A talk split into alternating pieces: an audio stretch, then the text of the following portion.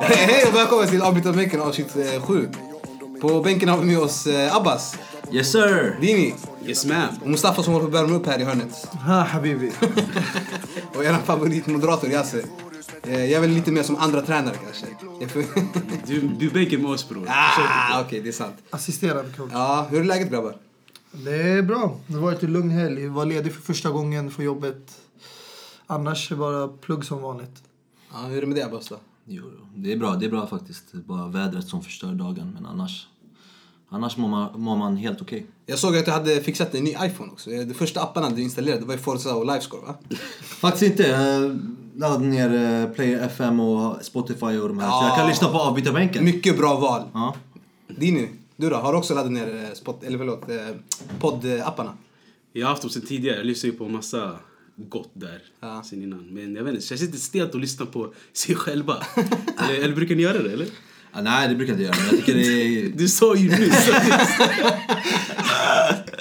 Okej, det kanske mig där. Men, ja. Ah, nej, ja. Men jag lyssnar på andra fotbollspoddar. Vet inte, ska vi Ja, nämna nu, ska vi, nu ska vi inte nämna Ja, konkurrenterna. exakt. Vi, vi, exakt. Vi nämner dem senare. Alright, vi kan väl köra igång direkt då. Vi kan väl hoppa rakt in i FA Cup. Känns som att det var lite dött där i helgen. Det var inte så mycket Premier League och så Varför, säger- varför säger du FA Cup? Säger säger vi inte FA-cupen eller? Eller är det bara jag? Ja, men det är som gamla Carbo Cup. Man brukar säga Carling Cup. Man säger inte Carling Cup. Men det här är två bokstäver. FA-cupen. Det är, som är, för mig är det ju potato potato. Men i alla fall, vad har hänt i helgen? Det har varit lugnt. Ah, Chelsea hade lite uppvärmningsmatch mot Hull City. Girouds debutmål. Uppvärmningsmatch? Ja. Inför? Barcelona. Ja, det var en dålig uppvärm- uppvärmningsmatch. ja, det är en dålig, men man måste ju värma upp mot eh, lite sämre lag. Men eh, annars, det var intressant FA-cupen, det var Rochdale mot Tottenham. Kvitteringen i slutet var väldigt fin. En bra uppvisning av League 2-laget som ligger längst ner där. Det var, en, alltså det var en bra uppslutning på matchen också. Tottenham spelar bortaplan. Och det är alltid någonting med de här eh, små lagen när de gästar storlagen. Det är värsta auran alltså. När Harry Kane gjorde mål. Alltså vad, Du menar när storlagen gästar, storlagen gästar gästar... smålagen? Exakt. Ja. Det är uppslutningens... Men jag tror, jag sa fel, jag tror de spelar faktiskt i League 1. Men de ligger längst ner. Men de är på väg mot League Nå, 2. ja, ja, men ja, något sånt. Ja, man får ju tänka på att eh, Tottenham kom dit med B-laget. Alltså hela startelvan var ju bara alltså reserver om vi säger så. Nej men reserver, alltså Lucas Moura och Lorente och Wanyama och Lucas Sissoko. Moura är reserv nu alltså. Nej men alltså det är bänk, det är inga startspelare. De kom dit utan en enda startspelare. Han gjorde ju mål så. för övrigt också, Lukas, eller hur? Ja, Mm, debutmål där också. Men jag tycker Men det sjuka är- Tottenham har ett starkt reservlag. Det hade inte de förut. Nej, men det sjuka är på papper stod det att Fernando Llorente spelade kant. Men jag vet inte, jag såg inte matchen. Nej, det var Mo- Lucas Moura och Son på Exakt. kanterna. Ja, exakt. Och så, exakt. För det var det, det var det som var helt konstigt när jag såg startelvan på papper. Men det märks att de har höjt sin nivå. Deras B-betonade lag börjar bli som de här topplagen i Mm. England bland annat. Så det är bra att de har sånt lag men ja, de verkar ha fortfarande problem mot de här uh, League 1, League 2-lagen. Förra rundan kryssade de också mot uh, Notts County tror jag det var. Eller Newport. Det är så deppiga matcher där alltså. Ja, Men, Det intressanta, det jag, jag tycker är intressant är att eh, om man har lyssnat på de här tidigare avsnitten så nämner jag FA-cupen som en skitcup. Alla vet det. Och eh, Tottenham, alltså om, om du ska använda skitcupen till någonting så gör Tot Tottenham det riktigt bra. Genom att man an använder sina B-spelare som reservspelare så att de kan komma i matchform och sånt. Till skillnad från andra lag, om jag vill nämna Chelsea, förutom Chelseas senaste match mot FA-cupen där de också hade några reserver och så. Visst, men annars brukar topplagen United, Chelsea, City köra startelvan. United speciellt alltså. Ja, precis. Tottenham gör inte det och det tycker jag är bra. För de kommer, då, då kommer de här i, liksom i matchform och kan användas sen när, när det jag tror det beror på vilket lag du möter. Om Tottenham skulle möta ett Premier League-lag som vi gjorde när vi mötte Newcastle så skulle inte de ställa upp med ett B-betonat lag. Då garanterar jag att Dele Alli och Harry Kane hade varit med på startelvan. Nej, alltså det är... Man anpassar sig efter motståndare. Ja, men det är, det är som Champions grejen är, League. grejen är nu, typ United. Eh, när vi mötte Huddersfield Town. Mm. Vi hade ju, på bänken hade vi de här sköna spelarna. Ethan Hamilton och Angel Gomez.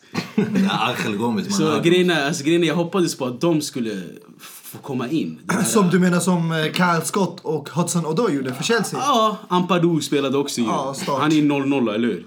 Ja. Ja, det är det jag menar. Angel Gomez också, också 0-0. Men han fick inte komma in, varken han eller Ethan Hamilton. Och det här är två eh, Är det inte han som spelare är från... Kusin eller vad det är? Ja, Men exakt. det, det, nu går du tillbaka till det jag sa tidigare. United mötte ett Premier League-lag på bortaplan. Spelar ingen roll. Chelsea mötte ett Championship-lag på hemmaplan. Du anpassar efter motståndare. Som ett storlag, du vill helst vinna alla troféer. Du vill inte ta risken att åka ut och göra ett fiasko som Liverpool gjorde mot West Bromwich på Anfield. Så det jag tycker och respekterar med, Med Mourinho, all rätt. det är att han tar det säkra före osäkra. Men han tar det för säkert. Lukaku gjorde mål i den tredje minuten. Men om du Och kollar vi- egentligen på er elva. Vi brukar inte se Luke Shaw på startelvan. Vi brukar inte se Michael Carrick. Nej, Vi nej. brukar inte se McTominay. Och vi brukar inte se Juan Mata. De här är bänkspelare. Även Lindelöf de senaste månaderna. Han, har varit, han fick starta en kort period där, men sen gick han tillbaka på bänken. Och sen Romero. Så det är inte bara Men jag har startspelare. inget emot att de här spelar, att de startar. Men i 75 minuten och uppåt, låt Angel Gomez komma in. Eller Ethan Hamilton. För den. Nej men, ja, som ja, sagt, jag vi har olika ja. åsikter om det. Ja, men, det finns eh, egentligen inte så mycket som Men, att snacka om. men Lukaku, Lukaku gjorde ju två mål. Exakt. Det är ju Inte någonting det är någonting att nämna. Faktiskt, jag såg faktiskt en bild där eh, Lukaku, och jag vet inte om ni vet det här, men Lukaku har gjort mer mål än Morata och, Och Lacazette. Lacazette Och ändå, tillsammans. och ändå anses vara flopp. Exakt, Oj, det är det. Intressant. Så det är Nu pratar vi intressant. om en spelare som har varit skadad i nästan tre månader den här säsongen, Morata. Och en annan spelare som enligt, om jag citerar Dini, har blivit den nya Giroud. Bänkspelaren i Arsenal, eller hur? Ja, exakt. Ja. Men en fråga grabbar. Eh, vinnarna av eh, FA Cup, eller FA-cupen Dini. De, eh, de får väl en, en plats till Champions League, eller så? Eller Det får de absolut inte. Europa League. Europa League är det Du kanske? blandar upp det med eh, Euro- vinsten av Jag- Europa League. jag- leder till jag- Champions jag- League. Ja, det är mycket kupper här. Men, Ja. men om man... Eh, är inte det en bra chans då för de lite mindre lagen att kanske få en plats i Europa? Fatta, fatta om Huddersfield han kom till Champions League av Ja, det hade varit kul. Wigan gjorde ju det för några år sedan när de vann eh, Man Europa- City Europa League, i exakt. FA-cupen. Ja, men inte, Då- jag tänker på Abba som hatar lite på kupper här. Är inte det en, eh, en bra chans för kanske lite mindre lag att komma dit? Det är jättebra. Typ Everton, är- eh, Leicester nu också får ju anses vara ett lite mindre lag. Jo, jo, det är jättebra för de här mindre lagen. Eh, De, har, de, ser, de ser det som en chans att komma till Europa League. Jag tänkte mer på de här storlagen. Jag tänkte Dino och Mustafa i de tidigare avsnitten. De nämnde FA-cupen som en stor titel. Att lag om Liverpool till exempel skulle vinna den skulle varit någonting stort. Det är ändå en titel, det är stort. Det är för mig inte stort när storlag... Stort vill jag inte minnas att jag sa, men jag sa att det var en Alltså titel. jag måste hålla med. Det är stort för ett lag som Liverpool som inte har vunnit Premier League på snart kommer vi toucha 40 år. Men vi har redan passerat 30 år. Att vinna en titel som FA-cupen det är någonting alla spelare i Liverpools trupp som eh, behöver det. Självförtroendet, att känna att vi har vinnarmentalitet. Men vi såg ju förra året eh, föll de ut, jag kommer inte ihåg vem de förlorade mot i FA-cupen. Det här året ännu ett fiasko. Och eh, året innan det förlorade de Man City när Coutinho gjorde mål i Carabao Cup, eller Carling Cup heter det då. I finalen förlorade de i, på straffar. in, inte spelade. Ja. Och stjärnan där då i finalen, så, proffset på att ta straffar, det var Caballero. Som Ja, men det var det jag ville svara på dig Yasser. Alltså det är, för, för de mindre lagen så är det absolut eh, en eh, liksom bra eh, cup att eh, tävla om. Men eh, för de eh, bättre lagen så att säga, det det är ju bara... För mig! Så det skulle inte vara bra för Tottenham att vinna Att vinna FA-cupen. En titel för de här grabbarna som har spelat nu jättemånga år tillsammans. För mig skulle det kännas så här. Ja, vi vann en titel. Men inte, ja men fan vi vann FA-cupen. För dig. nu- Få den där. Nej men alltså, om- nej men Tottenham också, det är väl en, en stor klubb eller? Men vi snackar om världens bästa centrala anfall nu. Om han ska stanna kvar i den här klubben. Alltså om Harry Kane? Ja. Okej. Måste inte han få känna lite på du vet, en trofé att lyfta på det, en medalj runt halsen. Han kommer ju känna sig tomhänt. Då till slut lämnar han den här klubben och går till ett klubb som till Ja, exempel Real Madrid. Jag, jag tror inte FA-cupen, eh, en FA-cup-vinst skulle göra så att eh, Harry Kane skulle stanna kvar. Det tror jag absolut inte. Jag tror inte, då, då, om så är fallet, liksom, då, då är det riktigt pinsamt av Harry Kane och visar bara att han är en spelare som inte har högre ambitioner. FA-cupen fick i alla fall Sanchez att stanna ett par år i Arsenal. Längre Ja, jag, jag skulle säga det var money, men okej. Money, money, money. Och vi går vidare till lite varmare breddgrader då. Spanien, La Liga, vad händer där? Ja, inte så mycket. Allmänt en avslagen vecka. Alltså. Det gamla vanliga. Gamla vanliga. Vad är gamla vanliga för dig? Ja, så Sevilla efter sin eh, stora fiasko mot Eibar så har de vunnit nu tre raka matcher. En fin streak nu inför matchen mot United. Samma i Bar som eh, Barca spelade mot. En ganska tuff match. I alla fall första halvlek. Ja, jag såg att eh, de pressade högt där. Ja, Eibar, Eibar, spela de spelade spel. väldigt fint alltså. Verkligen. De rullade mycket boll. De var, de var inte rädda för att pressa Barca. Och jag tror att, om jag får bara komma in lite snabbt som expert här. Det är klart, det är nog Jag tror, att, eh, jag tror att många lag har den här mentaliteten att man ska bara backa hem och du vet, ställa upp bussen mot Barca. Men att de inte var beredda på att Eibar skulle spela så här offensivt som de gjorde. Mm. Och det funkade ju ända tills de fick sitt röda kort där med Orellana som gjorde en riktigt onödig eh, grej med att slå bort bollen. Det är ju Gudettis gamla lagkamrat, eller hur? I Celta Vigo. Ja, Ja, det är han. Exakt. Precis. Nej, men jag gillar det med La Liga-lagen. Att många lag, mittenlag, bottenlag, de vågar. De vågar spela. på hemmaplan, högt upp och liksom framför fansen visa upp någonting mot storlagen. Men eh, det lyckades inte de med den här gången. Men det är ju i alla fall eh, fint imponerande att se att de här, eh, Eibar är ändå ganska nytt lag i La Liga.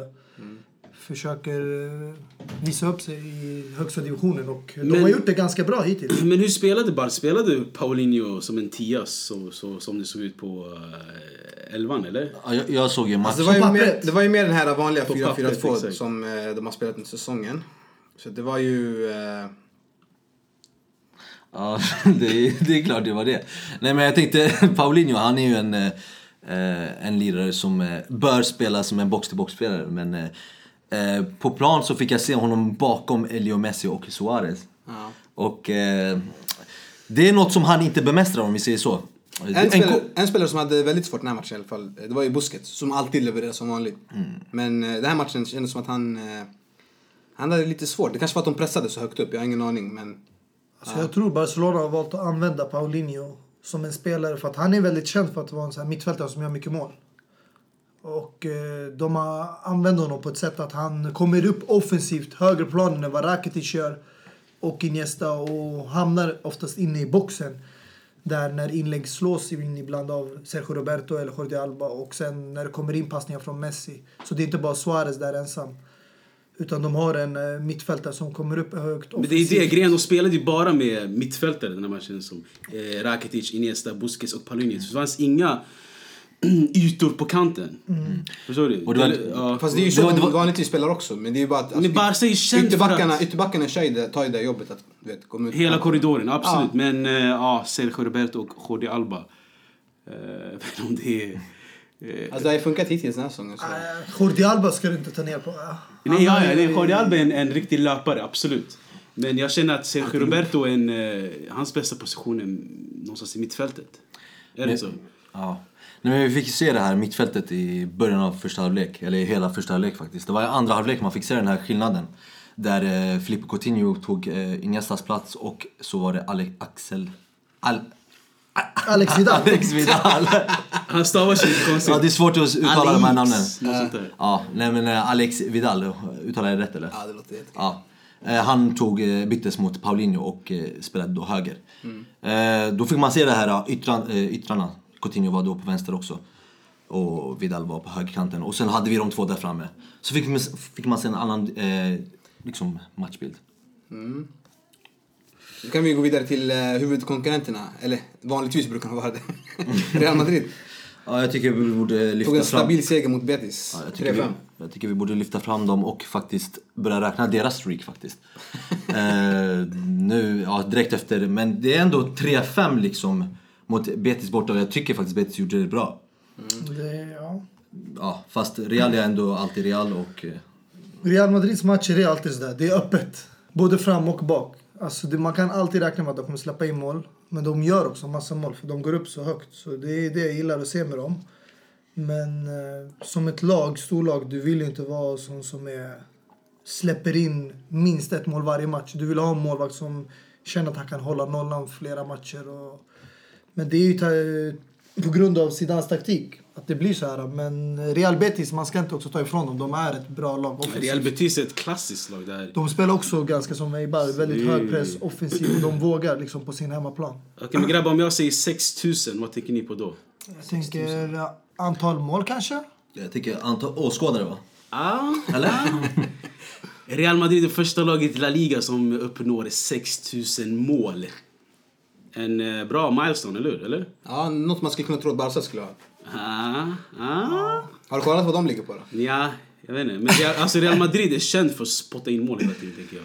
Ja, med tanke på att Så, de har vunnit eh, flest ligatitlar Ja, också. exakt. Så 6000 mål att de når den före Barcelona är absolut. Det Ja, det var ju lite Alltså- Fran- Franco-tiderna när eh, man fick lite hjälp av eh, den gamla kungen, eller diktatorn kanske. Vadå, så de har gjort 6000 mål under hela deras historia? I La I La Liga? Ja. Jag, vet inte, jag tycker fan inte det känns, alltså det känns inte som det är så mycket ändå alltså. Alltså, alltså jag vet inte, alltså på, på en liga, eller på, en, på ett år, på en säsong, 38 matcher, så som max kan du typ göra 100. Hur, må- hur många gjorde Chelsea mål? alltså Chelsea har ju rekordet. 100... Det är 103. Exakt. 102. Men Så- La Liga är ju lite större. La Liga slog ju, bara Real Madrid slog ju rekordet med Mourinho. De gjorde någonting över 100 också. Ja, exakt. Men säg att du, om som Real Madrid, säg att du snittar mellan 80 till 95 varje år. Så 6000 är... Ja, är det lite eller? Jag vet inte. Det är faktiskt nu när du säger så, så det, det är faktiskt mycket. Det är ändå en milstolpe. och- Jag tänkte med Ronaldo, hur många mål har han gjort i Real Madrid? Förstår du? Fy fan. Men Sen såg vi Ja. sen såg vi våran eh, favorit svensk, Super John Guidetti. Han spelade ju för Alaves Ja. i helgen. Såg ni hans, eh, när han blev utbytt? Han fick ju stående applåder. Nej, faktiskt inte.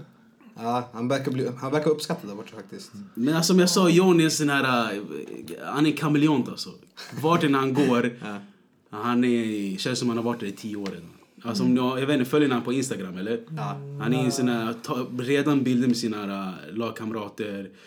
S- Yani, de, är, de är redan vänner för livet känns det som. Så John Guidetti är ingen sån här människa som behöver... Han tar plats, han är inte blyg. Alltså. ja, ja. Så jag, tror- jag tror det hjälper hans spel också. Men värt att ta fram också i Real Madrid-matchen, det är Asensio. Som Yes. har, fortsätter prestera. Spelar ingen roll från bänken eller från eh, start. Han gör det riktigt bra och eh, det är lite synd att Zidane... Alltså han har gett honom chansen ganska ofta men han ser ändå förbi att han kan bli en riktig ordinarie istället för ja, Benzema eller Bale. Man skulle kunna flytta fram Ronaldo mer centralt som de gjorde under PSG-matchen. Men tycker ni inte att alltså, det är slut på Benzemas chanser nu? Jag tycker han ska skeppas iväg. Jag Eller? tror det Jag- kommer hända i sommaren. Jag tror en ny central anfall kommer komma in Alltså, garanterat. alltså jag tror om det var en annan tränare istället för Zidane så skulle Benzema skeppas för länge sedan. Men att, med tanke på att de har ett på något sätt special bond mellan de här två så tror jag att han vill ge en till säsong. Nej, alltså jag- jag, tror jag med tycker- tanke på åldern och hur den här säsongen har sett ut, speciellt Mm. under hösten. Jag tror det här var droppen. Alltså Zidane, om han verkligen vill behålla sitt jobb och eh, undvika en sån här säsong nästa år Mm, så måste han bredda på truppen och hämta mer kvalitetsspelare. Det är bra att han spelar med mycket ungdomar och vissa spelar för akademin men han måste ha en bra blandning. Blir det, blir det tillbaks till för Benzema då eller? Ja, alltså vad han känner är bäst för hans karriär. Han har ändå ingenting att spela för när det kommer till landslaget. Så om Tror, tror det helt vill, över? Jag, alltså jag tror om... Om det är pengar vi talar om så kommer han åka till Kina eller USA. Nja, alltså jag, alltså jag kan tänka mig att han vill... Eller eh, Arabemiraterna. Att han vill gå till Premier League. Ja, men då... Har svårt att se en stor klubb där. Alltså Arsenal skulle ju vara alternativet då, men de har ju redan värvat. Ja, de har stacked med anfallare just nu. Det skulle kunna Chelsea? vara... Nej, jag tror inte det. På, med peta tanke på hur bra Ja, men, ja, men så här då, om jag säger så här då. Att det blir en swap mellan han och Harry Kane. Det Plus skulle pengar, jag kunna se. Men det, det, det kan vara... För att Nej, Tottenham blir de av med Harry Kane. De vill ha en liten direkt erfaren spelare som kan inte att. Benzema vill... Men jag tror inte han har så mycket... Tottenham. Jag tror inte han har så mycket till ett val. Jag tror de har lagt in någonting i kontraktet. Lyssna. Missar du så här många lägen. Ingen klausul va? det här är klausulen. Du har ingen rätt att prata. Det är det adjö. Nej, men Din agent lyssnar bara.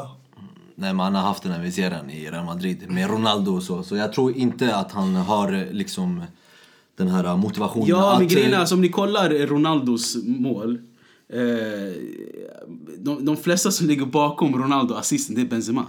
Så det, det visar ju bara mycket att att, att, att, att eh, Benzema hamnar i Ronaldos skymundan. Alltså det, hamnar i skymundan. De studsar inte av hans ben direkt till Ronaldo. Alltså. Du menar att han verkligen lägger bra, bra bollar till honom? Exakt. Och det är inte bara det, alltså, han är ju en anfallare och en anfallare måste göra mål. Han gör inte mål. Men det är han som Dini sa förra avsnittet, att han känns ju lite mer som en nummer 10 också. Men problemet Jo, jo, men det är inte det som är hans roll. Jag tror inte han själv vill ha den här rollen. Eller jag- nästan vet att han inte vill ha den här rollen. Ah, han smsar dig eller? Ja, ja exakt. Jag har faktiskt lite insider personer som jobbar här hos mig. Men alltså Fan vad ska fortfarande. förstöra hela skämtet. Men eh, nej men, ha- det, är en, eh, det är en person, alltså alla anfallare, jag är ju själv en anfallare. Och, men har inte ham- hamnat på bänken. Men när jag väl spelade så, så, så har jag alltid velat göra mål. Och jag tror ingen spelare vill bara göra assist som en, som en anfallare, absolut inte. Ja, vi minns dina glansdagar där i division 4. Du, du glänser som fan alltså. Men får jag fråga en sak grabbar? Real Madrid, de ligger ju på 45 poäng nu. Och Sevilla som ligger på 39 poäng. Skulle ni säga att, eh, att det finns en chans att Sevilla skulle kunna ta den sista Champions League-platsen? Nu har ju Real Madrid en match mindre spelad i och för sig. Nej, jag tror Men det är ju det är ändå 6 poäng. Jag tror eh, Real Madrid eh, kommer säkra Champions League-platsen. Det är inget problem där. Då. Om det är någon som kommer tappa och halka efter så är det Valencia som Sevilla kan ta platsen ifrån. Men jag tror Atletico Madrid och Real Madrid kommer säkra platserna i Champions League-kvalet. Eh, Så det är ingen snack om saken där. Ja. Men eh, jag vill bara tillägga en grej. Innan vi går vidare från Real Madrid. Att det går inte att försvara Benzema med de här att han hamnar i Ronaldos skugga, att han offrar sig, att han assisterar mer. För att om ni har kollat många Real Madrid-matcher, han får sina chanser. Han får friläge efter friläge, öppet mål. Och han har missat alla sina chanser. Och jag tror många Real Madrid-fans kan hålla med mig om. De känner samma frustration över en spelare som är där och han har fått möjligheten men missar det gång på gång. Matcher som de har spelat oavgjort förlorat skulle de ha kunnat vinna om det inte vore på grund av Benzema. Ja, nej, jag håller med. Han får sina lägen och han eh, sätter inte dem. Men samtidigt tror jag han behöver en, eh, vad ska jag säga, mindre duktig ytter. Alltså Ronaldo axlar ju Real Madrid. Och jag känner att Benzema behöver en Raheem Sterling, en eh, David Silva bredvid sig. Förstår du vad jag menar? Som inte är ute efter att göra mål hela tiden. Så vem vet? Därför City nästa han- för Benzema, eller? Om vi går vidare till eh, Serie A då. Och eh, kollar lite tabellen där då. Ser ut som att Inter håller på att åka svarta backen ner här. ner i tabellen. Vad är det som händer Abbas? Nej, det, är, det är förväntningarna man ser när man ser, kollar på startelvan och eh, formen och allting. Så är det helt okej. Det, är det, som, det är det som man ska förvänta sig av Inter. Lazio på, som har två poäng mindre, de har ju en match mindre spelad också. Ja, Är det kört nu eller?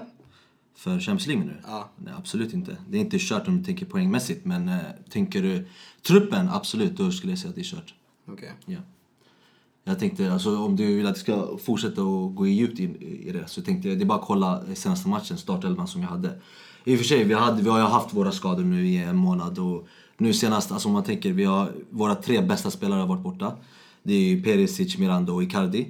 Självklart, och om du spelar med Karamo och du spelar med liksom Eder och vem var, Kandreva och liksom skitspelare runt om i hela laget. Självklart, det är klart som fan du inte ska vinna eh, matcher. Jag, jag, jag håller med. Grejen är alltså, det är som du säger alltså. In, inte spela fortfarande med Ranocchia som kapten. Med stort utropstecken. okej?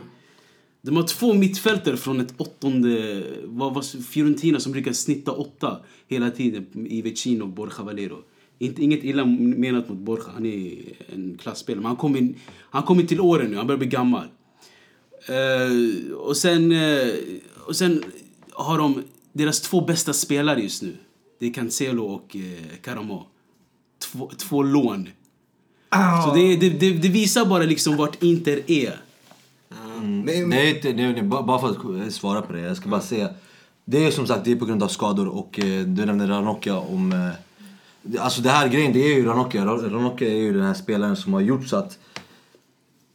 Det känns som att det finns någon ondska i honom som gör så att vi torskar matchen när han eh, väl lirar. Men jag vill inte snacka skit om honom sådär helt. Men Men det är en spelare, det är en typisk spelare som inte ska spela i ett, eh, ett lag som Inter.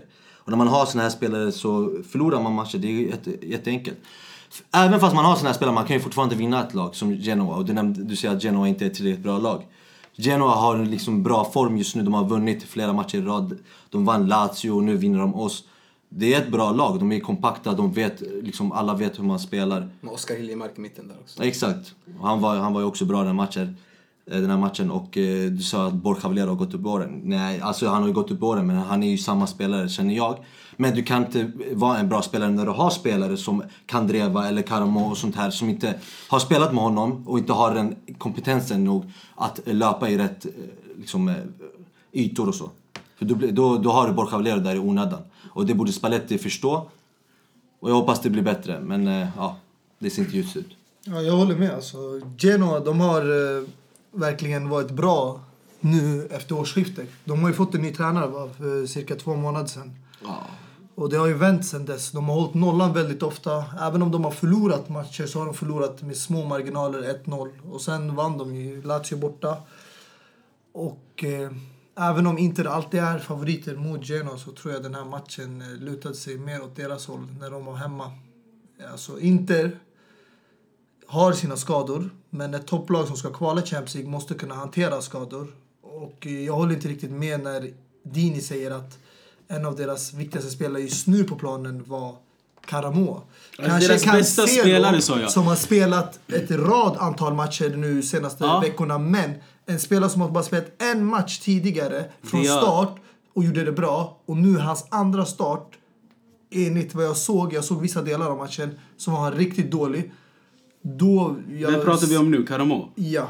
Då ser jag inte liksom, jag måste se ett längre alltså period där man levererar i samma nivå. Alltså vi har en, jag kan ta upp ett exempel bara från ditt lag. En kantspelare som var bra i United, Nani. En av anledningarna varför han fick lämna den klubben och inte kunde stanna kvar där och göra en stor karriär i United, det är för att han var så ojämn i nivån. Han kunde vara en av bästa spelarna på planen vissa matcher och sen kunde han vara en av de sämsta och var helt osynlig.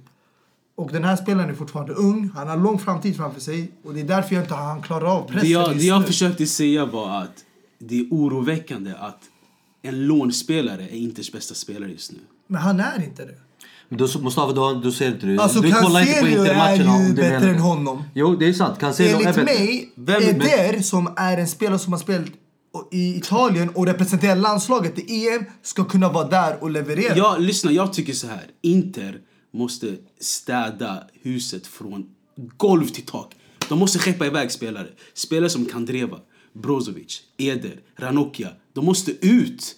Tyvärr, det måste, alltså det måste börja på den här gräsrotsnivån. Det, det håller inte längre. Alltså. Grejen är, jag säger så här. Spe, spel, eh, Diego Laxalt, eller uttalar hans namn? Ja, Ja, ja, han tillhörde ju Inter ett tag. Han hade en session där, blev utlånad ett, ett gäng gånger. Eh, och han spelar för Genoa idag. Han hade ju en, han hade ju en supermatch. Eller han är, han är, alltså han är en bra spelare. Han har varit Genoas bästa spelare de senaste matcherna. Det jag menar är, det här var Inters spelare. Och istället för att satsa på honom så har de valt att köpa in andra spelare som har mindre talang än uruguayanen Diego Laxalt. Än att, alltså Inter har en fin akademi. De har en, ett gäng fin spelare. Men jag fattar inte varför de inte satsar på spelare som Diego Laxalt. Ja, det har allt, allt handlar om, bara om scoutningen och vilka scouter, eller sportchefer vi har haft de senaste åren. Eh, du nämnde Laxalt och de här, ja, det är klart som fan han borde komma tillbaka och spela med oss istället för att eh, skicka iväg honom och spela i ett annat lag och sen så hämtar man en Dalbert och bara chansar. Det, det är helt fel väg att gå. Om jag vore sportchef så skulle jag eh, köpt eller anv- använt liksom ungdomsakademin.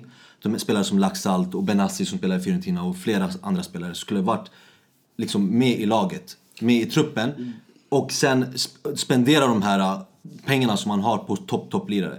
Men det är inte jag som är sportchef och alla håller med mig nu när det kommer till det här. Men tyvärr så har, vi, har Inter inte haft bra sportchefer. Bara, bara när det kom, gäller kap, det är bara då Inter haft bra sportchefer. Men får jag fråga, vad, alltså, ni hade ju exakt samma trupp första halvan av säsongen. Mm. Vad är det som har gått så snett nu? Ja, du frågar mig, det är bara skadorna. Det är bara skador. Det är bara skadorna. Har du en spelare? Det är inte bara sen Icardi skadade sig. Han har varit på, Icardi skadade sig och sen Miranda har skadat sig. Det, det, bara när en spelare skadar sig så förstörs hela laget. Det, det, spelar- det ni är den stommen vi har i Inter. oavgjort väldigt många matcher innan och ni förlorade mot Udinese, Sassuolo och Milan i cupen. När alla de här var med. Nej, du såg inte du matchen ännu en gång Mustafa. Och Och bara för att komma tillbaka till det när du snackade om Jan Karamo. Den enda som stack ut i matchen mot Genoa som var bra, det var bara Karamo och Cancelo. Så jag Exakt. håller med Dini där. nu Det var de inte bästa spelarna så jag tror inte du Nu såg. hörde inte du vad jag sa. Ja, men jag ska bara Jag se- sa de jag vet, här- jag, andra matchen, jag ska bara säga. Jag ska Ja. bara påpeka, påpeka varför. Eh, just den här matchen, han var, det var han som stack ut mest. Och du nämnde Udinese-matchen, då allt rasade väl? Nej, jag menar att de här matcherna där ni förlorade mot Udinese, Sassuolo Ja, då spelade inte vi. och när ni kryssade en rad matcher, då var Icardi med. Ja, men inte de andra. Miranda var inte med. Då var Perisic med. Ja, men men Miranda var inte med. I många jäv- matcher var jag ska- Miranda med. Ja, men inte den matchen. Nej, inte de just då. Vilken av dem? När det vände. Udinese, matcher. Udinese, Udinese matcher. Det var när, då hade vi Ranocchia där. Sassuolo? Ja, jag, jag har inte allting. Jag tror han var också det där. jag, det jag försöker säga är... Om du vill så kan jag En skada, alltså om du är ett topplag för mig, en skada ska inte kunna göra det. Jag, till exempel, när jag ser Ranocchia, vet du vad han påminner mig om? I Chelsea till exempel, han påminner om Gary Cahill. En spelare som kan verkligen göra bort sig och ta ner hela laget. Men trots det, du som ett klubb måste ha förtroende för dina spelare. Om du har valt att ha kvar honom, eller sportchefen inte har uppfyllt dina önskningar med de värvningarna du vill ha, eller de lånen du, försäljningar du vill göra. Du måste ändå anpassa dig som tränare. Du kan inte sitta och gnälla. Många säger att till exempel Conte gnäller. Jag har inte sett Spalletti gnälla. Utan det jag ser det är en tränare som försöker göra det bästa av situationen. Han tar itu med det. Men det, du kan inte klaga. Okej, det här kanske är en dålig jämförelse, men Juventus de är ett lag som har en bättre trupp än Inter, ja. Men jag såg hela matchen mot Torino. Den där, där matchen jag vaknade till, jag kollade. Jag ser Higuain skadad efter fem minuter. Han går runt med ett släpande ben. Han, vrist, alltså han hade, typ, vristen hade liksom gått av. Och han gick runt i tio minuter bara för att Dybala skulle hinna värma upp. Det slutar ändå med att Benadeschi kommer in. Och han går ut efter tio minuter med en skada. De har ingen Mandzukic, ingen Dybala, ingen Higuain, ingen striker. De spelar med Douglas Costa och Bernadeschi. Och de lyckas ändå göra 1-0. Alexander en offensiv mittfältare eller kanter. Och Asamoah som Men du kan ju inte jämföra Juventus med... Truppen ja, Nej, men men, det- alltså, jag ett Torino på bortaplan är ett väldigt svårslaget lag. De är en bra trupp. De har spelare som Belotti, Falque och sen eh, Rincon och de här. Alltså det är väldigt bra spelare. När jag ser deras trupp, Niang på bänken, såna här lån från Milan. Alltså det är en bra lag. Och att de lyckas vinna dem utan en renodlad anfallare. Du menar att de visar att de löser det på andra sätt ändå? Ja, alltså de hittar lösningar. Och du kan inte säga att Juventus, okej de har bättre trupp. Det är exakt men de det har jag menar. Det är det det jag försöker säga till honom. Det är bara det. skador. Det är det jag försöker säga till dig. Du, det, är det, det är det du säger, det är det jag menar. Exakt. Så när, när du nämnde Ranocchia, om Miranda skadades. Men du, om det är ett stort lag så ska du ha andra spelare. Vi har bara Ranocchia. Men de- jag ska bara säga, Vem har fortsätta, Juventus? men fortsätta prata. Det är bara Ranocchia vi har. Ska vi kolla Chelsea? Vi kan kolla Chelsea. Ta fram dem från vi kan kolla Chelsea. Du nämnde att han var som Cahill, eller hur? Ni har Cahill. Ta bort Cahill, vem har ni då? Ni kan använda Rudiger, ni kan använda Christensen, ni kan till och med ha Aspilicueta och sen har vi en David Luiz som bara är i läktaren. Så många eh, reserver har ni. spelar med tre Och det här, är, det här ska vara toppspelare. Enligt dig nu har ni fått en till med Christensen som är en otrolig back också. Så förstår du hur många, hur många ni kan välja på. Medan vi har en riktigt dålig spelare i Men varför Ranocchia. tar ni En så dålig. Så det här som jag säger, det är det, är det på grund av det. Om vi skulle ha så många spelare. Men- Och vi hade äh, vet du, köpt äh, Bonucci från Juventus, lagt honom på bänken och bara sen köpt någon annan, vem, Astori och lagt honom på bänken. Ha så många alternativ. Det är en annan grej. Du nämnde Ju- Juventus nu också. Det är en an, helt annan, eh, en, en till grej som du nämnde. Eh, vem var det? Quadrado borta. Eh, Mandzukic borta. Eh, vem var det mer? Eh, Higuain skadades eller vad? Eh, ja, exakt. Higuain Och skadades. Dybala och Barzagli har precis kommit Exakt, tillbaka. de kom precis tillbaka. Buffon Och en- bänkad. Exakt, och ändå hade de spelare, det jag menar. Ändå hade de spelare. Men vart kommer Rugani ifrån? Ändå, fast alla de här spelarna så hade de ändå en Men spelare. vart kommer Rugani ifrån? Var, var kom han ifrån? Akademin. Lyssna Okej, boys. ja. Var kommer Andreas Christensen från? Chelseas akademi som han är utlånad. Lite- lite Förra året, vem hade vi på bänken? Nathan Ake. Varför har ni inga akademispelare som ni har lånat ut och hämtat tillbaka? Eller någon som i alla fall ni vågar satsa på istället för Ranocchia? Grabbar, grabbar, det. Mustafa, vi- Mustafa. Vi snackar mittback. Det jag menar med scouterna, vi har inte tillräckligt stor Lyssna, det, det, Nej, just eran därför. akademi- Mycket heta känslor här just nu. Nej, alltså, jag har Egen med akademin att göra. Vi har jättemånga akademispelare. ja. Men det är inte en stor trupp, är Alla inte styr och ställ lite spelare. Styr och ställ. Grabbar, lugna ner Nej, men er. är- det jag försöker säga är Skeppa iväg, alltså ha inte de här spelarna som backups än. Det gör ont i ögonen när jag ser Ranocchio och de här spelarna. Ranocchio var ute på lån i Hull, okej? Okay? Ge han inte de här förhoppningarna och ta tillbaka honom. Få bort de här spelarna, okej? Okay? Satsa på nytt, ungt och alltså gå bort från de här alltså, gamla grejerna så att det blir fräscht och nytt. För ni kommer ingen vart annars. Sen fanns det en tid när Ranocchia startade finter. Men den tiden är när slut. De Den är slut. vann Coppa Italia, när de såg ut Bayern München i Champions League och hade en rensning på mållinjen. Tiden Vad där han hade fick vi för trupp då? förtroende. Vad hade vi för trupp då? Det är exakt det jag Men menar. fortfarande, de här vilken trupp vi hade då kvaliteterna- och vilken trupp vi har nu. Det är det som är skillnaden. Den, då hade vi ska- otroliga spelare och jättemånga bra spelare. Du nämnde mittbackar, vi hade Lucius, Samuel, eh, Kivo. Jag kan nämna så många spelare och sen Ranocchia var Kivo. där. Kivo. han, är, han är inte bland topp mittbackar. Men okej. Jag vet inte, ni vet inte vem Kivo är. Nej, vi sitter och snackar om trippelhjältar här, men okej. Men jag, Som- jag kan bara dra nu har vi bara Miranda och eh, Skriniar. Skriniar! Kan ni fatta? Det är en spelare som vi chansade och blev så här bra. Annars skulle vi sitta där med Ranocchia också. Förstår ni hur dålig inte så Låt mig bara dra en kort parallell. Milan, på tal om Milan som det går jättebra för just nu. Milan, de har vågat riskera att satsa på talanger som Cutrone, som Calabria, som Donnarumma. Och det resulterade i att de tappade mycket poäng under hösten och de halkade efter Champions League-platserna.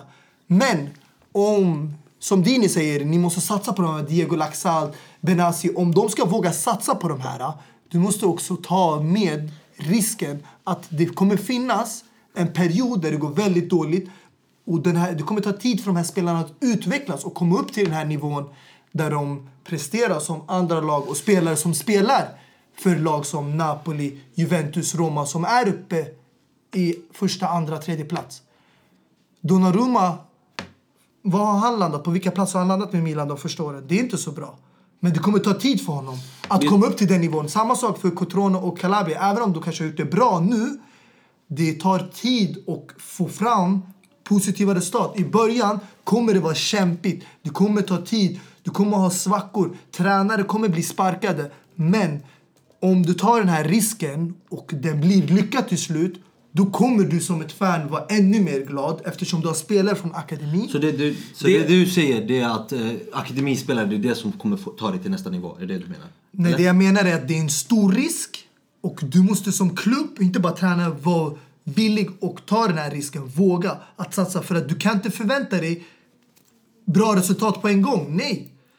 Alltså det kommer ta tid att utveckla de här spelarna och det är därför folk oftast har lite akademispelare och sen köper de bra spelare eller truppspelare så att man har en bra kombination Men- och roterar de här runt varandra och samtidigt utveckla. Nu Milan har varit upp och ner svajigt eftersom de har kört hela tiden med de här. Okej, Kalinic nu är skadad men Cotrone har bevisat när han får chansen, han gör det bra. Och Donnarumma, han hamnade ju in i elvan efter en skada på vad hette han före detta Real Madrid-målvakt? Diego, Die- Diego Lopez va? Diego Lopez. Och det var så han fick chansen och han visade på en gång att han klarar av Ja, det är samma sak, samma mellan- sak med Marcus Rashford. Ja. Han fick ju chansen att, eh, jag kommer inte ihåg vem som blev skadad, men på uppvärmningen. Exakt. Men hade United Alltså, exempelvis köpt Lukaku och valt satsa på Rashford, jag tror inte United hade varit där uppe. De kanske hade legat längre Ja. ner för att de tar en risk. Exakt, men om vi, om vi stannar kvar i Milan. Det Ja. alltså jag tycker Gattuso ska någorlunda hyllas. Absolut. Det, alltså, det känns som om spelarna just nu har kul och bryr sig om laget än vad de saknade under Montella. För jag, för jag känner alltså typ, vad heter han, Bi- Biglia? Biglia. Big, Biglia. Lucas Biglia. Jag kan aldrig uttala hans namn. Men alltså när han har bollen, man ser ju hur komfortabel det ser ut. Och, och att när han får ytor och så, han kan liksom styra tempot i spelet. Så det känns som att spelarna på något eller annat sätt har hittat sina, vad ska jag säga, alltså sina eh, positioner rätt liksom. Calabria spelar bra. Eh, Hakan eh, Han, har, han missade lite chanser, men det känns som att Men de, det är de lite börjar... udda eftersom Montella, han var tränare förut i Fiorentina. Och det var han som hämtade Lucas Biglia och Kalinic till Milan. Men när han var tränare där innan han fick sparken. Jag såg ett par matcher med Lucas Biglia och jag tyckte inte alls han presterade bra.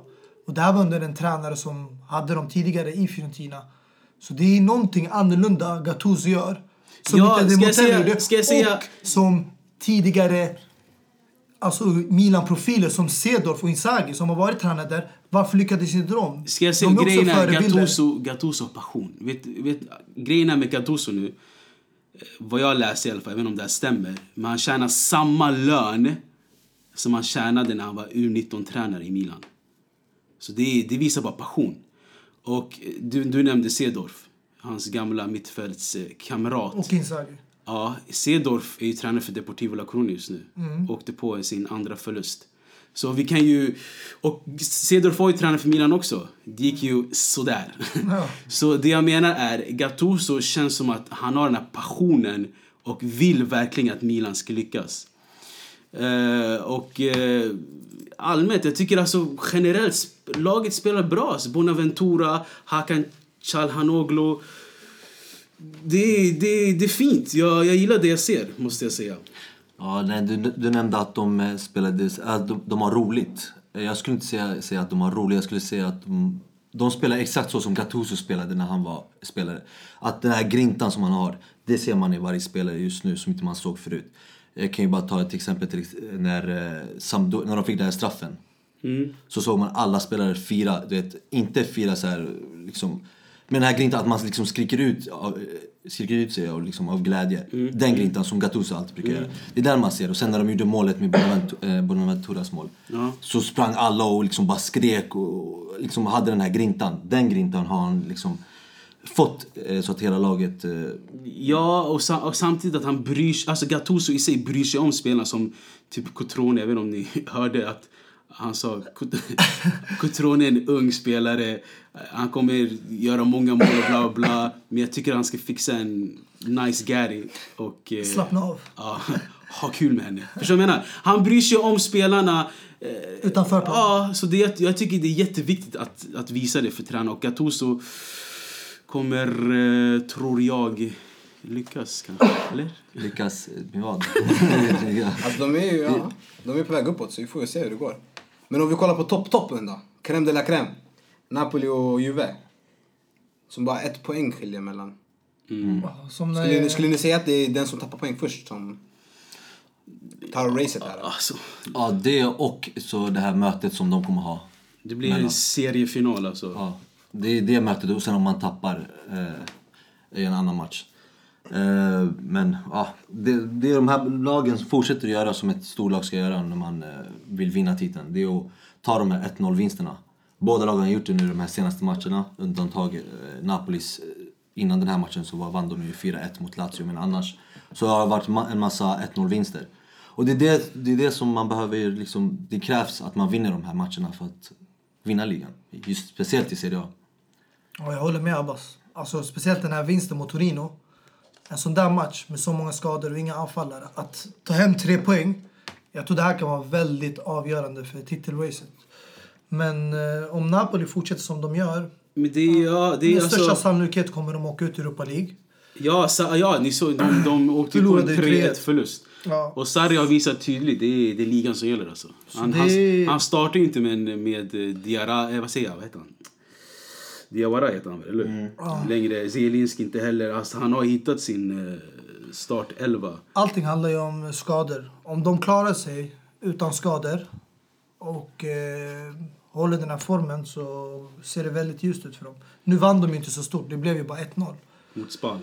Men eh, ja, det är bra det de gör och eh, Roma har också vänt den dåliga formen. Lyckats ha tre poäng borta mot Udinese som ett svårslaget lag och Sengic under fortsätter att göra mål. Jag tycker det är imponerande av sådana här spelare. Ja, det var fint mål faktiskt också. Det var lite turligt att den gick emellan hans ben men annars var det ett fint mål också. Men eh, jag började ju dagen med att kolla den här Juventus-matchen. Derby della Mole, som, som den heter. eh, jag vet inte, alltså, jag tycker de här matcherna är riktigt tråkiga när de börjar 12.30. Du nämnde att du tyckte om sådana Ja, matcher. jag, De- jag, alltså jag tycker om. Man, man, om man är ledig då. Man vaknar upp med en skön brunch och...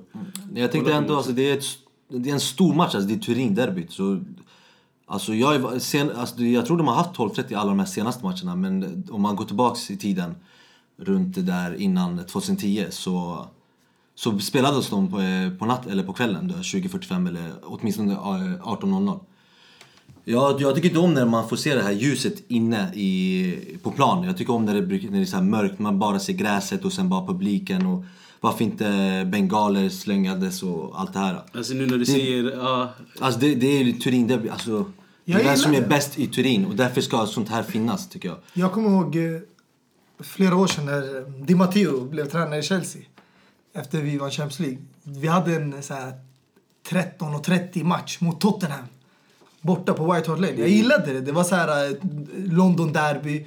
Och sen det var väldigt tidigt, ljuset lyste in och vi vann dem 4-2. ja, men jag kommer ihåg att Wayne, Wayne Rooney sa vi, vi hade också en tidig match någon gång. Men Wayne, Wayne Rooney sa en gång, han bara... Ja, du har lite problem med... Wayne who? Han spelar inte hos oss längre så... Ja, men han sa att de här tidiga matcherna är jobbiga för att man måste trycka in sig pasta klockan åtta på, på, eh, på, På morgonen. ja. För de här kolhydraterna måste du vet. Hinna Så det- smälta ner. Exakt, så det, är- den är jobbig. Men ja, jag tycker alltså för oss tittare, det är lite skönt att vakna upp till sådana matcher. Från sängen. Men jag är lite inne på det här kvällsmatchen är det bästa som finns. Jag måste, jag måste hylla Juventus eh, låt alltså. Den är, den, är, den är fan fin alltså. Kan vi, kan, kan vi inte sätta på den alltså?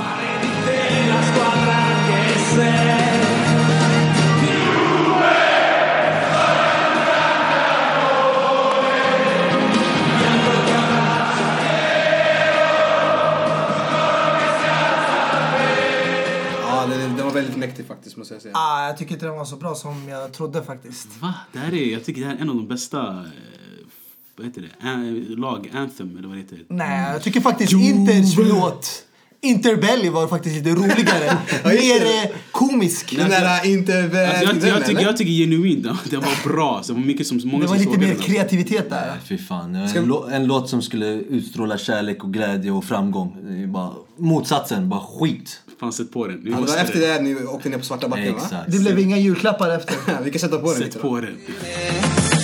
Intervez, intervez, nerazzurriole, a Natale i nostri cuori cantano per te. Hey! Intervez, intervez, pazzi come te, tutti in coro noi cantiamo nerazzurriole. Om vi lämnar eh, Mustafa och eh, Abbas beef bakom oss gällande Inter. Ska vi gå vidare lite till vad som händer i veckan, Champions League? Ja, jag tycker vi kan gå rakt in på, inte bara veckan, men för mig månadens största match. Det är så mycket historia bakom den. Chelsea-Barcelona. Otrolig match! jag ser fram emot den, men ändå inte. För att ja, vi är ju underdogs, tyvärr. Barcelona är alltid favoriter, men eh, jag eh, har alltid hopp om mitt lag. Jag måste säga det. Det är skönt att eh, få se dem spela såna här matcher. Vi var inte med i Champions League eh, förra året. Så det ska bli intressant att se hur de här nya spelarna kan prestera på den här nivån. Speciellt de här som aldrig haft Chelsea-tröjan i Champions League tidigare. Som eh, Marcos Alonso. Vilken, ja. är, är domarna klar för jag vill inte se en disgrace. Alltså om jag tar en eh, snabb titt här bara. För jag, Så står det ju faktiskt Cunhate Sakir. Jag det är en turkisk. Han verkar inte luddig. Det är turk, turkarna. De är Är det grannar med Spanien. Är det han som ser ut som eh, Allen från Two and a Half Men? Är det samma kille eller? Ah, det kan vara. Ah. Ja, alltså, det är i alla fall inte den här äh, skalliga jäveln som de... Nej, han, eh, Han är- blev han är- utsluten från Champions League efter 2010. alltså- Ett år senare. En, en, en ärlig fråga. Lever han eller fortfarande? Han lever, det sägs. Men frågan är om hans sägs. hem lever. It's a disgrace! Han har ju fått flytta runt väldigt mycket i Norge på grund av eh, många Chelsea-fans som har varit ute efter honom.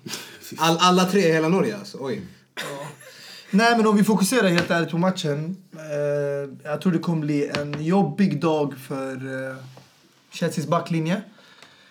Och eh, det som är väldigt i alla fall positivt i Chelseas fördel det är att Christensen som är vår startspelare nu har erfarenhet av Champions League och spelade i Mönchengladbach och fick möta lag som Man City och Barcelona i gruppspelet förra året.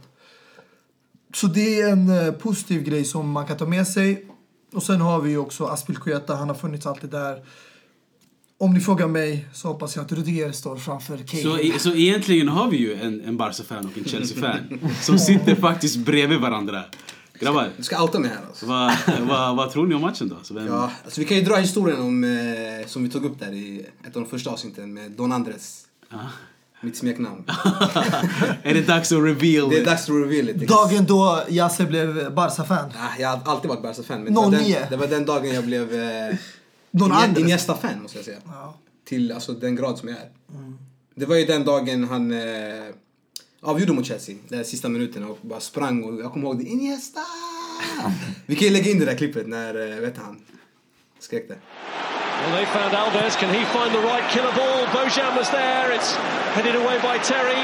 Eto broke from him, but it's Messi. It's Iniesta! And the Chelsea fans cover their eyes in horror. Ja, jag får ju gåshud varje gång jag kollar på det där klippet måste jag säga. Det måste Men vara- det måste vara raka motsatsen för Mustafa. Nej, exakt, det var det jag ville säga. Ja, det finns ju inte mycket att säga. Med tanke på att eh, jag tror våran anfallare den tiden, Drogba, sa tillräckligt. Det enda jag kan tillägga är att det var en väldigt sorglig dag för inte bara Chelsea och spelarna och fans utan för alla fotbollstittare att se en match sluta på det där sättet. Och, eh, det enda jag hoppas, alltså det enda jag vill från hjärtat se det är att Chelsea presterar. Alltså verkligen ger allt. Även om vi förlorar. Jag vill bara se dem ge allt. 110 procent. Och om Barca vinner så hoppas jag att de vinner rättvist. För att det är bara synd att man ska se såna här avgörande dombeslut gång på gång, vi, år vi, efter har, år. vi har ju haft den här diskussionen, eh, jag vet inte hur många gånger Mustafa, men det är ju samma sak. Jag har ju sagt att eh, jag tycker han var orättvis båda hållen. Visst fick vi med oss, vi fick med oss mer än eh, vad Chelsea fick med sig, men vi fick Abedas röda kort exempelvis, Ballaks hands som ingen tycks komma ihåg. Så det var Men, mycket alltså, som hände den matchen. Det folk som, inte eh, förstår, till exempel det här Abidals rött kort, det är att han drog i Anelka tidigare. Men Anelka ramlade senare. Så han han kunde ha fortsatt springa men det var fortfarande kontakt. Så det var ingen filmning, det var att han ramlade lite senare. Ramlade det var att han senare. slängde sig. Det var fortfarande kontakt. Men bortsett från det där, det, vi pratar inte bara om den matchen. Kom igen grabbar, tidigare möten. Alltså nu senast när vi slog ut Barcelona. 2-2 på Camp Nou. Såg ni straffen som Messi missade? Fabregas blev kapad av Drogba. Nu spelar Fabregas på, hos oss, så jag vet, jag hoppas att liksom Pedro och eh, Fabregas och här för detta Bassberg kan hjälpa oss mot de här eh, små tiki-taka-spelarna som Grabbar, eh, försöker ni, med de ni, här... eh, alltså summa av kardemumma, ni måste se den här matchen tillsammans. ni måste. Och, och filma gärna. Ska försöka. Alltså, ja. Men om vi går vidare och kollar på de andra matcherna. Vi har ju Bayern München Besiktas samma dag där. Som jag tror att många inte kommer kolla på när de har den här matchen att se. Så har vi ju nästa dag Dini, Sevilla Manchester United. Mm. Svår match om du frågar mig. Jag tycker att United ska vinna den där eh, utan Tycka och tycka, ja men kommer vi göra det? Alltså det kommer vara en svår match, men det är liksom ett jobb som en klubb som United ska klara av utan problem. Det ska, det ska göras, men vi, vi har svårt. Såna här lag. Och det gäller för United att akta sig för Banega. För de bollarna kan komma och flyga hejvilt till anfallarna. Ja, det, det kommer bli en... Jag, alltså jag är så glad bara att de här matcherna inte spelas sam, samma dag. Så eh, jag kan, jag kan med uh, lugn och ro kolla på Besiktas Bayern München i fred. Nej jag skojar. Såklart Barca Chelsea. Men och sen nästa dag har jag City och Sevilla. Eh, vad säger jag? Ah, City. United och Sevilla att se fram emot. Ja. Sen kan vi ju eh, även, Abba ska ju få nämna Shakhtar och Roma när han inte har något slag. som är med i Champions League. Så kan du väl som heders eh, ombud till Roma. Representant för Italien. De börjar på bortaplan antar jag va? Ja det gör de. Ja exakt. Så, ja. Är det en match de ska vinna? Det, det är en svår match. Alltså, vi ska inte glömma att Shakhtar eh, kom tvåa i en grupp där Napoli åkte ut. Visst, Napoli åkte ut med flit. Eller, ja. de, de, de, var inte, de satsade inte helt enkelt. Men ja, Det är ändå ett bra lag, vi ska, vi ska ändå se det och vi ska inte säga att eh, Roma är ett lag som ska vinna den här matchen över två möten, absolut inte. Ja, jag håller med. Det är en eh, svår match. Shakhtar eh, har alltid haft en bra nivå i Champions League. Även om de inte har kommit hela vägen. De visar gång på gång att de kan utmana topplagen. Och sen har de ju bra spelare som kommer och går. Men eh, jag tror ändå Roma är favoriterna och vill gärna kvala vidare. Mm, om de ska liksom kunna locka till sig spelare sen i sommar. För de har ju många spelare som de vill liksom byta ut och ersätta. Och har ju varit tvungna att sälja en massa spelare. Men eh, Uniteds fördel är att de börjar borta. Så det kan bli en intressant match på Sevillas hemmaplan. Och hur United kommer ut där. Om de väljer att avvakta och parkera bussen. Som Mourinho är känd för. Eller om han kommer ut med storm och sätter Pogba i startelvan. Och Inte, och inte bara det, alltså det är ändå Mourinho mot Montella. Och det är Mourinho mot en före detta italiensk kollega om vi säger så.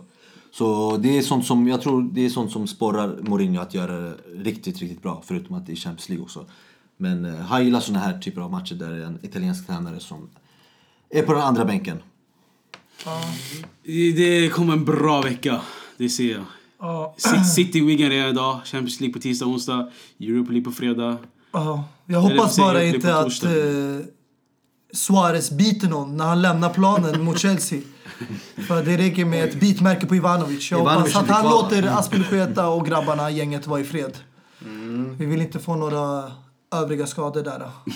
Han, nej, alltså, jag, nej, alltså på riktigt, här, jag tror det här är, det stämmer. Men Suarez har en klausul att om man biter så ryker han. I sitt Barca-kontrakt. Ja, då hoppas jag att han biter någon faktiskt nu så att han missar eh, returmötet. Nej, men eh, all cred till honom. Jag hoppas att han eh, håller sig till det fotbollsmässiga och lämnar allt annat utanför planen. Ja, nej, men vi snackar Suarez, men eh, mina ögon kommer bara vara på Messi känns det som. Eh, det är en spelare som inte har gjort mål på Chelsea. Eh, hur många matcher är det nu? Inte. 9-10 matcher säger de. Exakt, och förutom det så har han också en måltorka på sex matcher. Så det ska vara... Fem, fem matcher. Fem matcher? Fem matcher. Ja. När det är Messi så måste man lägga till en till. En till. Ja. Nej men det, det kommer bli jävligt intressant att se vad han, vad han har att erbjuda. Och så får man hoppas på att det kommer bli en riktigt bra match och att domaren inte kommer stå i centrum den här matchen. Kan inte tillägga mer än så. Ja, det hoppas vi alla. Ja. Eh, grabbar, vi har ju fått in lite tittarfrågor till vår eh, mail. Lyssnarfrågor. Eller ja, lyssnarfrågor. Tittarfrågor. det är lite dumt av mig. Men vi har fått in lite lyssnarfrågor till eh, våra mail. Avbytarbänken at eh, gmail.com. Eller avbytarbanken at gmail. Eh, den första frågan vi har fått är från Akrem23. En fråga till avbytarbänken. Kommer Milan komma i topp 4 och ta en efterlängtad CL-plats och vinna Champions League? Eller Europa League, förlåt. Eh, Det Alltså- tror jag absolut. Du menar att de ska kom, komma till Champions League genom Europa League? Jag tror det här, var, det här var två frågor i en känns det som. Kommer de komma i topp 4 och ta en CL-plats? Och kommer de vinna Europa League? Ja, det kommer de absolut inte göra. Gör de det, gör, nej, men gör de det så är det en toppensäsong de har gjort alltså. Om de kommer topp fyra och vinner Europa League. Det är ju något som... Eh, som jag tror de... Alltså det var deras eh, mål när de påbörjade säsongen. Men sen, eh, ja, de har inte visat den kvaliteten tills de här nu senaste matcherna. Men jag tror inte heller att det, det, det jag tror varken att de, att de vinner Europa League och jag tror varken att de kommer komma till eh, Alltså, Champions League-platserna. jag tror deras största chans är knipa en fjärde plats i ligan. Vad är det? Sju poäng nu? Till Sju poäng fyra. till... Topp fyra. yes. Ja. Eh, Europa League kommer de... Ah, jag vet inte. Jag, ah, jag tror inte de... Ah, ja, kan, jo. Jag skulle säga... Jag, jag tror de kan vinna Europa League också. För man ser att Napoli inte satsar. Deras största konkurrens kan vara Arsenal. Napoli, Napoli är redan ute. Ja, så Jag skulle Arsenal. säga Arsenal och sen beroende på Dortmund, om Dortmund. de går vidare. Det kan vara deras största konkurrenter. Men jag tror det är större chans att de vinner Europa League än att de kniper fjärde plats För att det är, alltså, det är ändå sju poäng upp till toppen. Och sen om Lazio vinner ikväll så blir det åtta poäng. Och de ska ändå möta alla topplagen igen. Inter, Juventus, Napoli och Roma. Alla de här igen. Och det är väldigt viktigt att vinna sådana matcher om de ska knipa Men därför, exakt, därför jag tycker de ska vila spelare nu, i, nu på torsdag. Och uh, alltså hitta den här balansen lite. Alltså att de har båda dörrarna öppna för ligan och Europa League. Ifall någonstans, att det brister någonstans. Alltså nu har de ju tur och möter liksom skitlag. Som de vann Mm. med 3-0 borta, Ludogorets. Men Så det är inte omöjligt alltså. Ja, nej, det är som jag sa i förra avsnittet tror jag. Eh, Jag tycker att de borde satsa på en, på eh, liksom en grej. Antingen Europa League eller ligan. Satsar de på båda så kan de förlora Som allting. Napoli gör eller? Exakt, exakt som Napoli gör. För annars kan de riskera att åka ur Europa League och sen inte heller ta en topp 4-plats. Vilket jag tror då kommer hända. Jag tror varken de kommer komma topp 4 eller Europa League-plats. Men eh, ja, nej men det är det. Jag tror inte, ja. Tyvärr. Så har vi fått en eh, till fråga från Adam, 21. Eh, Carvajal, är han världens bästa högerback just nu? det är lite hårt att ta i och säga att han är världens bästa högerback. Men Vem han har vem är det varit eh, skadad. Inte bara veckor, en månad pratar vi här om. Så om man kollar över hela den här säsongen skulle inte jag ranka någon som världens bästa högerback. Eh, däremot om man kollar utöver en hel säsong, exempelvis hur alla högerbackar presterade förra året, absolut. Då, Vilka, vilka får du på tankarna när du, när du tänker det här bra året, högerbackar? Allmänt alltså. allmänt, alltså, Alltså generellt idag. Dani Alves, det är det enda som jag tänker på. nej, alltså, Sergio Roberto? Antonio Valencia. Okej. Ja, jag skulle säga Kyle Walker. Han har varit väldigt bra i City och en av de som spelarna som verkligen har balanserat City till skillnad från förut när de verkligen släppte in mål förra året med Guardiola och hade inte... Okej, passningarna kommer från mittfältet. Men bortsett från deras offensiva hot, vem är det som liksom löper fram och ner på banan hela tiden? I Barcelona, i vänsterkanten har du Jordi Alba. I City, Kyle Walker, han har gjort det bra sen hans flytt från Tottenham. Och vänsterbackspositionen har de inte haft någon riktig start eftersom det har varit skador. Så det är för mig en jämn kamp, men ingen är utsedd vinnare än. Nej, jag tycker alltså, det är jättesvårt. Alltså, I dagens fotboll så finns det inga ytterbackar. Alltså både högerbackar och vänsterbackar. Ja, folk, man kan nämna Marcelo och sånt där. För mig inte en riktig, helt liksom, riktig vänsterback. Men det är bara han som skulle toppa den listan om du frågar mig då. Men högerback, samma sak där. Alltså, vi... Alltså, nu för tiden så finns det inga eh, riktigt bra högerbackar. Jag tänker då mest på Maicon självklart. Och i den tiden fanns det även Daniel Alves. Det fanns flera bra spelare nu som man kan nämna. Men sånt ser man inte längre. Så när ni ändå eh, liksom nämner Carvajal så kan jag lika gärna nämna Cancelo. Alltså jag, jag, jag, li- alltså du hade mig fram till eh, Cancelo. Men det, det stämmer alltså. Det, det är svårt att hitta renodlade ytterbackar nu för tiden. Det är mycket wingbacks som är eh, hett. Och eh, Carvajal är ju en renodlad högerback. Och eh, han hade en supermatch nu i helgen. Jag vet inte om ni såg hans assist. Den var helt fenomenal. Eh, så han är, om någonting är han där uppe i alla fall som en av världens bästa högerbackar. Alltså för mig, en spelare som verkligen var bland de bästa och kunde bli ännu bättre. Tyvärr är han skadad och har varit det sen början av säsongen. Det är Nathan Klein i Liverpool. Jag gillade verkligen honom. Sedan han var i Southampton Mm. och spelade ytterback tillsammans med Luke Shaw då, som var på andra kanten. Jag tyckte det var en eh, väldigt speciell back som också gjorde några fina framträdanden för England i EM. När han fick eh, komma in och spela istället för Kyle Walker. Så det är väl eh, det jag har att säga. Men annars, det är ont om backar. Som man brukar säga. Ont om försvarare. Ja, det var en intressant fråga faktiskt. Men eh, ni kan ju fortsätta skicka in frågor till våran eh, Gmail och så kan vi besvara dem så gott vi kan. Är det någonting mer övrigt som ni har tänkt på grabbar? Ja, grabbar. Guess who's back? Rolls Royce baby! Ja, när du ändå nämner Royce. Batshuay, fem mål på fyra matcher. Ja, går... Eh, Vilken eh, introduction för Dortmund och Bundesliga. mm. Men Ja, så kan vi lägga till också att eh, vi finns där poddar finns nu för tiden. Härligt! iTunes, vad finns det mer? eh, Podcast Addict, Player FM, you name it. Vi är överallt alltså. Så eh, om ni gillar det ni hör, tell a friend. Äntligen. Friend. Tack så mycket. Det är allt för oss grabbar. Peace! Peace! Släppa allt som tynger mig, fuck alla de som ringer mig och om de inte vill dansa.